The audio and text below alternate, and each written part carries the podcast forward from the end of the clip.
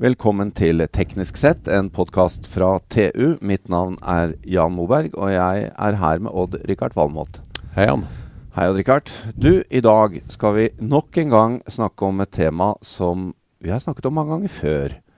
Et tema der vi er, sliter litt mellom å være pessimister og optimister. optimister. Men uansett så er det teknologisk veldig interessant, Jan. Ja, det er helt nødvendig. Skal vi uh... Ja. Og det er jo sånn at hvis, hvis, uh, hvis, vi går pessimistens vei, så er det ikke bare fordi teknologien har sviktet. For her Nei. skjer det mye spennende. Ja da. Jeg er vel litt pessimist.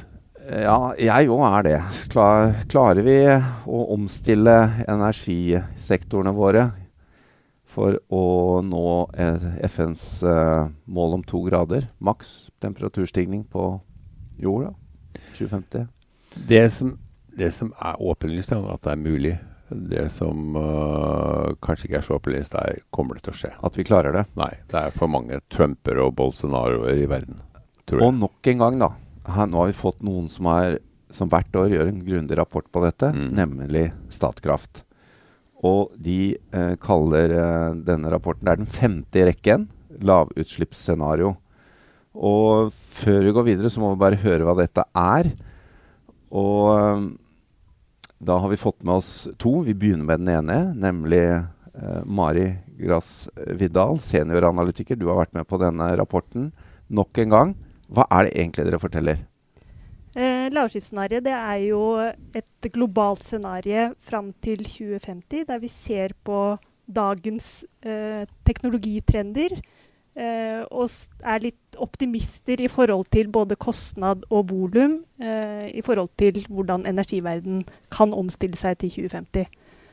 Eh, vi lager disse scenarioene primært for vår egen grunn. Vi er jo Europas største fornybarprodusent, og vi trenger å forstå hvordan energiverden eh, endrer seg, og hvordan den kommer til å se ut eh, i et langsiktig perspektiv. Vi tar jo langsiktige investeringer de, dere tar utgangspunkt i de trendene som er, og dere kjenner markedet godt fordi dere er både i Norge og har både vind og sol og vannkraft ute også internasjonalt. Mm. Hvis du legger det til grunn, så dette kan la seg gjøre, er det riktig? Ja. Eh, en grunn til at vi begynte med lavutslippsscenarioet, var jo at vi så at teknologiutviklingen har gått veldig fort.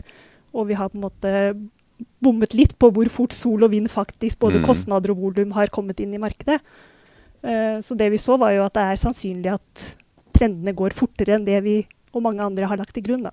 Er ikke det deilig å høre, Odd Rikard? Jo, jeg, jeg, jeg, jeg håper, håper, så inderlig at de har rett. Men det er jo ikke så mange år siden vi satt her i podkasten og, og, snakket om at IEA undervurderte veksten innenfor sol og vind. Nei da, nei da.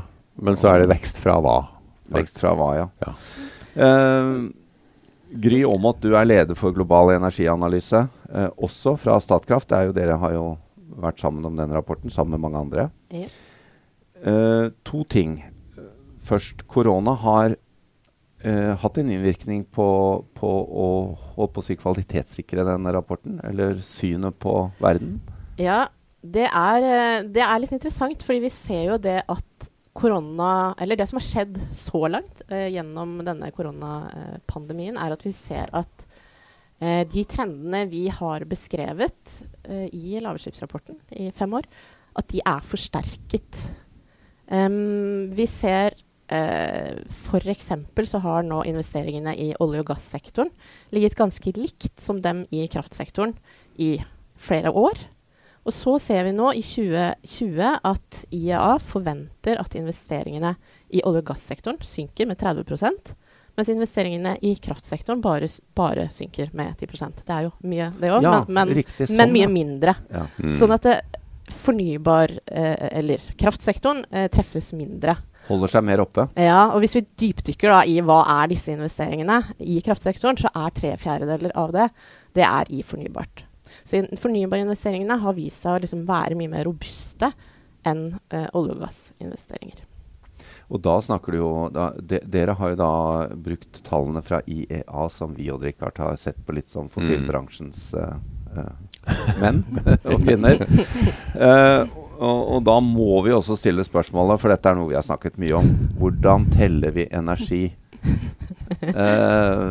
fordi der er vi Nå høres dette ut som en sånn dissepodkast om Ja, det har ikke meningen, det, men, men Vi det er må, jo vi må disse litt, Jan. primærenergi eller output uh, i andre enden, da. Hvordan, hvordan uh, har dere lagt det opp? Nei, vi mener jo at IEA generelt uh, gjør veldig grundige analyser. Så mener vi jo at de ikke alltid henger med på alle, alt som skjer innen fornybart, da.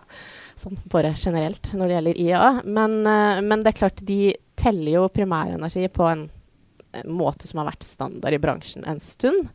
Eh, men hvor man på en måte går glipp av det faktum at man trenger mindre Som et eksempel, du trenger mindre energi for å drive en elbil framover enn for å drive en oljebil framover. Mm. Mindre tap på veien. Mindre tap på veien. Mm. Ikke sant? Du utnytter 90% av strømmen når du kjører en elbil, mens i en, en vanlig konvensjonell bil så utnytter du 25% av energien eller noe. I, I beste fall, tenker jeg. I beste fall, Ja. Mm. Det, dette er jo veldig spennende, Odd-Rikard. Og, Mm. og, og da tenker jeg jo da veksten på fornybar, da. Når den begynner å komme opp, så vil den jo slå enda mer ut. Hvis du går på primærsiden. Absolutt. Ja. Ja. Så man trenger jo da eh, eh, grovt regnet da en tredjedel av energien. Eh, hvis man bruker strøm heller enn olje. ja til, Særlig til eh, transport, Og, og kanskje også oppvarming. Fordi hvis man bruker varmepumper, Ja. så utnytter man jo den energien Mm. veldig godt. Spørsmål. Hvilke drivere er sterkest i denne utviklingen?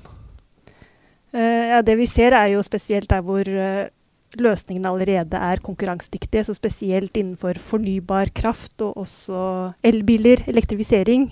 Det er jo ting som kommer mer eller mindre av seg selv. Mm. Fordi det blir billigere enn de fossile løsningene. Og vi ser jo i lavutslippsscenarioet at også eh, fornybar blir billigere enn det å kjøre eksisterende kull- og gasskraftverk. Er Ja, ikke bare bygge de, men faktisk drifte ja, de.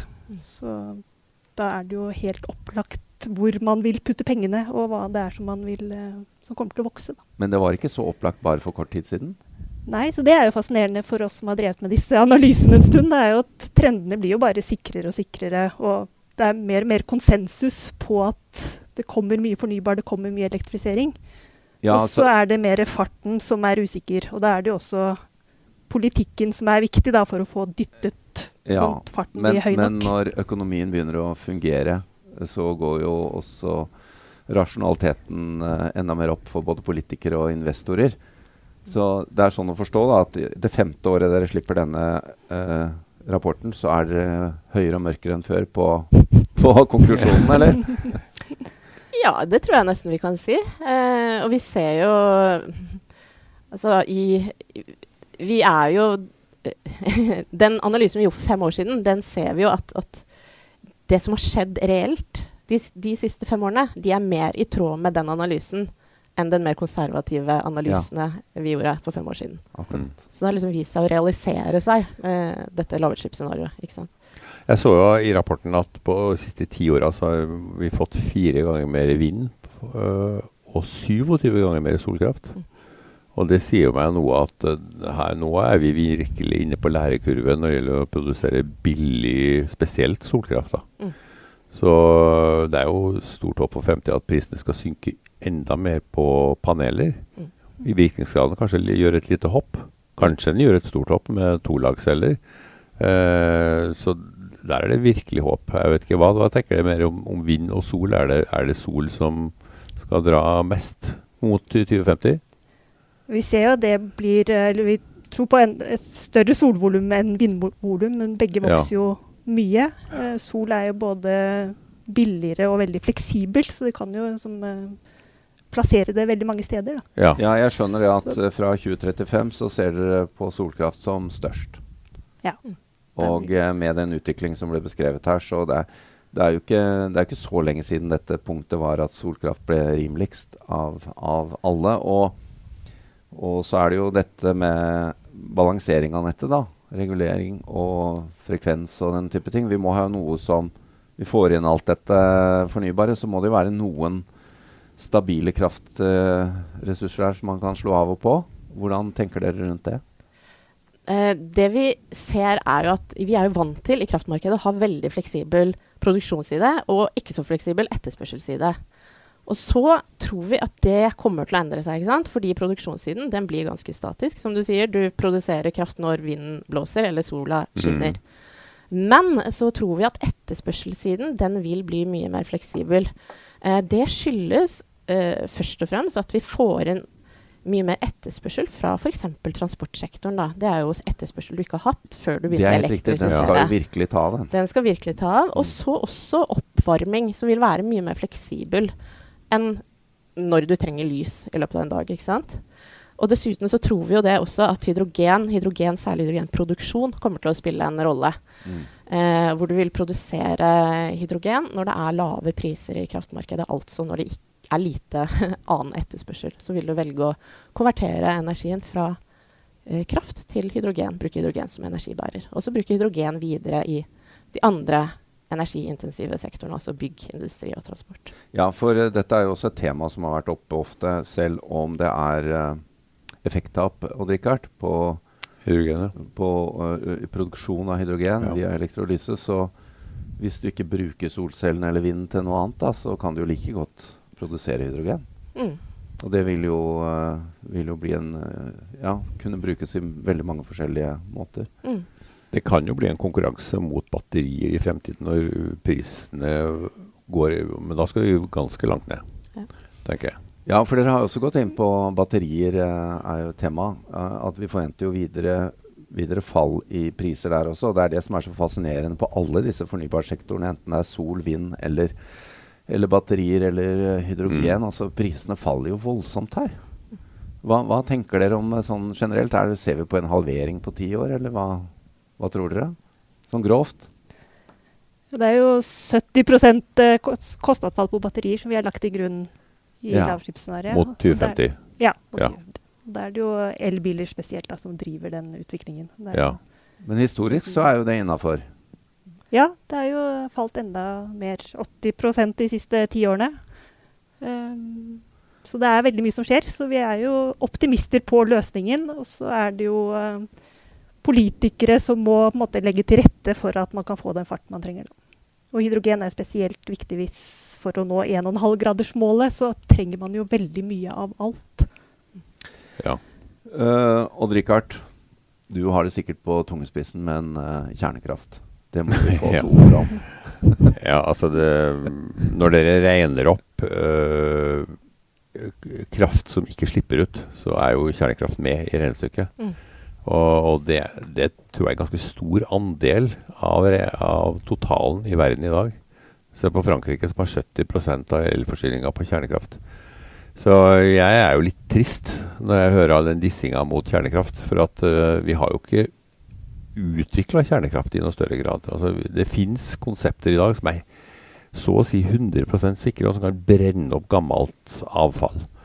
Så hvorfor ikke utnytte det åpenlyse der, tenker jeg, for å, som, som nok en, en eh, gren, teknologigren for å bli kvitt uh, fossilt enda raskere. Mm. Det, men jeg tror jeg dessverre blir, eh, må fortsette å gråte i flere år. Det er, jo, det er jo ting på gang, da, det skal sies. Med, Ja, med min, mindre Ja. Nei, vi, altså, vi ser jo det at disse store, tradisjonelle kjernekraftverkene de er jo veldig dyre, og de blir jo mye dyrere enn Ja. eh, det som har vært planlagt da Ja. beslutningsinvesteringene ble tatt. Så investeringsbeslutningen ble tatt. Sånn at uh, vi, vi, vi tror at det blir en veldig dyr løsning i forhold til alternativet som da er fornybart. Men det er jo disse små, litt mer modulære kjernekraftverkene. Der har det jo skjedd mye de siste årene, så der kan det Det kan være Ja. en game changer. Men altså, det gjelder både går for store og små. Du må masseprodusere. Du Ikke kan ikke bygge på nytt og på nytt og på nytt. Altså, det, det er jo det som lar seg gjøre på de små modulære. Ja det er lettere der. Og det kan være et hopp. Men så, så ser vi jo det momentumet innen fornybart, så du skal på en måte klare å slå det kostnadsfallet, da. Ja, ja da, det, det blir jo spennende. Ja, fordi det, det, det er jo veldig spennende her. Og, og nå kommer vi til et punkt som også er viktig i denne driveren, tenker jeg. Det er jo at nå har til og med eh, investorer og investormarkedet og kapitalmarkedene skjønt at disse her fornybare teknologiene virker. Ja. Altså Én ting er aksjekursen på Tesla, som vi har sett nå, og den type ting. Men, men dette er jo vanligvis når man skal utvikle nye kraftressurser, da, så er det jo lange penger. Og man skal ha, ta høyde for risiko og, mye sånt. Uh, vi ser jo at Storebrand f.eks. sier at de vil ikke lenger putte penger i, i fossile bedrifter som driver lobbyvirksomhet for å opprettholde fossil virksomhet. Og det er snakk om Deutsche Bank som ikke vil finansiere eh, prosjekter i Arktis. Hvor stor effekt har dette på driveren på, på omstillingen? Det er jo kjempeviktig. og Det har vi jo sett eh, spesielt de siste årene, at finanssektoren kommer mer og mer inn, eh, vrir seg mot fornybar. Og det er jo på en måte naturlig, fordi du ser at fossilmarkedet ikke kommer til å vokse på sikt. Du kan tjene penger nå, men du, kan, du ser at det er et marked som blir mindre, mens fornybar kommer til å øke. Eh, så det er jo som når du sitter med pengene dine og skal se på hvor du tror du får en avkastning, um, så er det jo flere og flere som ser at det er på en måte, vekstmarkedene hvor man som fornybar da, som man ja, setter penger i. Og så, er det, også, tenkte jeg på reguleringer, altså EU-taksonomi, eh, som setter mer og mer krav. Så det kommer jo både krav til investorer om at de, sporbarhet og rapportering. på Ja, Det kommer fra begge hold. Ja. Men, men, dette må jo være ordentlig vitamininnsprøytning på, på, alle de teknologibedriftene rundt der som vil inn på dette markedet og hente funding og få det til å gå enda fortere, da, enda raskere. Mm. Ja. Uh, og ikke minst det er uh, økt risiko. Uh, hvis du vil putte pengene dine inn olje og fossil på lang sikt, så må du da begynne å forlange en høyere risiko da, for å fordi det er flere trusler der ute. Ja, vi har jo putta ganske mye statspenger inn i olje og gass nå i koronakrisa. Altså, det er jo på en måte sånn kriseløsninger, da, men uh, er, spørsmålet er om ikke det har stoppa litt fornyelse også. Vi, I Norge. Jo, vi må jo håpe at det fører til uh, økt uh, kapasitet til å satse på nye teknologier, da, sånn som vel var argumentet for å faktisk gjøre det. Mm. Ja, ikke sant. Omstilling. Mm. Ja, da ser du, jeg tenker på EU jo, har vært en kjempepådriver siste årene, også under korona. Med denne, de er blitt enige om både krisepakke og langtidsbudsjett, hvor 30% av pengene skal øremerkes til klimatiltak. Ja. Mm. Og så har de denne grønne vekststrategien i bakhånd, så alt måtte, de pusher jo veldig i denne energiomstillingsretningen. Mari Vidal, Gry Aamodt, vi må stille dere et spørsmål uh, sånn på tampen her. Uh, dere kommer jo fra Statkraft. Statkrafts uh, vugge og drikkert, skal vi kalle det det, er jo vannkraft. Ja. Hva med vannkraften, da? Den stolte norske vannkraften. Nå er denne analysen her gjort på global basis, men hvor er vannkraftens rolle? Ja, nei, det, det var vel egentlig Der pekte du på det som er utfordringen. Det er dessverre Vi er jo kjempeheldige i Norge som har de ressursene vi har. Eh, og mye utbygd vannkraft. Det er eh, fornybart, det er regulerbart. Det, er, det, blir på en måte ikke bedre enn det. Og det mener jeg helt objektivt, selv om jeg jobber i Statkraft. Men eh, det er ikke alle steder i verden du har det tilgjengelig. Det er relativt få steder. Um, og da må man på en måte finne andre alternativer. Men, men der det fins, så mener jo vi at det er en men, men, det blir jo litt sånn der det allerede er bygget. da, for ja. Det er ganske kostbart å bygge nye vannkraftverk. Og dette vet jo dere om ja. fra Tyrkia og Albania. vet ikke, altså Utenom Norge så har jo dere gjort mange prosjekter og er store. Ja. Så uh, der kommer vel sol og vind og konkurrerer ut, da. Sol og vind kommer, og det er uh, ofte billigere enn vannkraft. Så da må vannkraft enten konkurrere på at det, at det ligger veldig godt til, da, at det er et, et bra vannkraftprosjekt. Eller så har jo vannkraft eh, andre karakteristikker. Det er jo lettere å regulere. Du kan produsere mm. når du vil, og særlig hvis du da har stor lagerkapasitet, sånn at du får mye fleksibilitet i vannkraftverket, så, så kan det være relevant.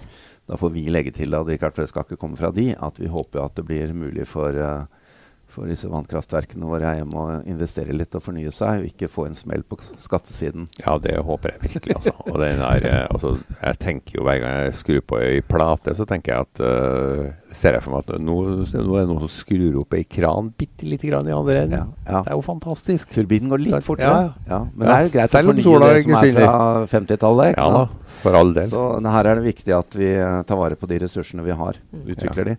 Uh, vi må avslutte, men jeg tenkte en konklusjon her er jo egentlig ganske optimistisk, da, Richard, ja, det det. sammenlignet med hvor vi har vært. Ja. Du rykker meg ut av pessimismen? ja, nå går fornybar av seg selv. Ja. Eh, kostnadene faller, investorene kommer. Dette virker. Det er ikke lenger snakk om at vi må stå her og argumentere for at det Nei. i fremtiden kommer Nei. til å bli noe. Dette ruller nå av seg selv, og vi er spent på neste års rapport. For den kommer vel? Den kommer. Helt enig. Det er Rullehastigheten. ja. Eh, Gry Aamodt, leder for global energianalyse, og Mari Grås Viddal, senioranalytiker i Statkraft. Takk skal dere ha. Og eh, vi høres igjen neste år. Garantert. Det får vi gjøre. Takk skal dere ha. Takk, takk til Odd-Rikard Valmot, og mitt navn er Jan Moberg.